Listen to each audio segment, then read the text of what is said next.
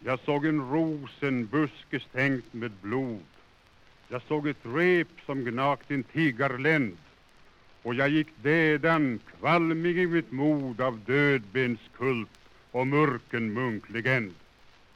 Ut, ut i ljuset mellan Umbriens kullar där höstens hav i bruna vågor rullar och oxar böjda under breda horn på vita vägar släpa lass av korn.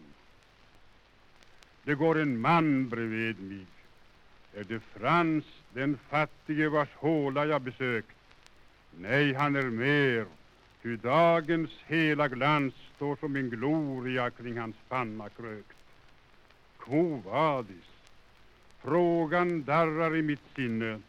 Vart skall jag gå då aftonen är inne?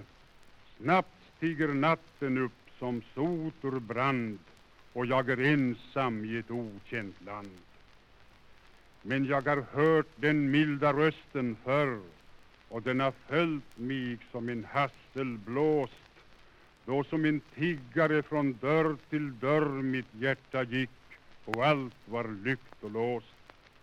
Bliv hos mig, mästare som tyder skriften ej som ett spökelse ur helgongriften men som en bordskamrat i stilla byn där jag vill njuta torftigt bröd och vin.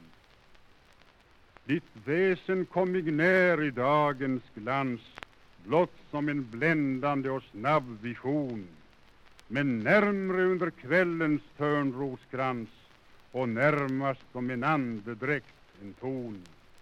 Nu står mitt Umbriens, skuggans land framför mig jag kräver ej att se dig, blott jag hör dig blott då och då du bär min själ ett bud min vän i vind och skymning och min Gud.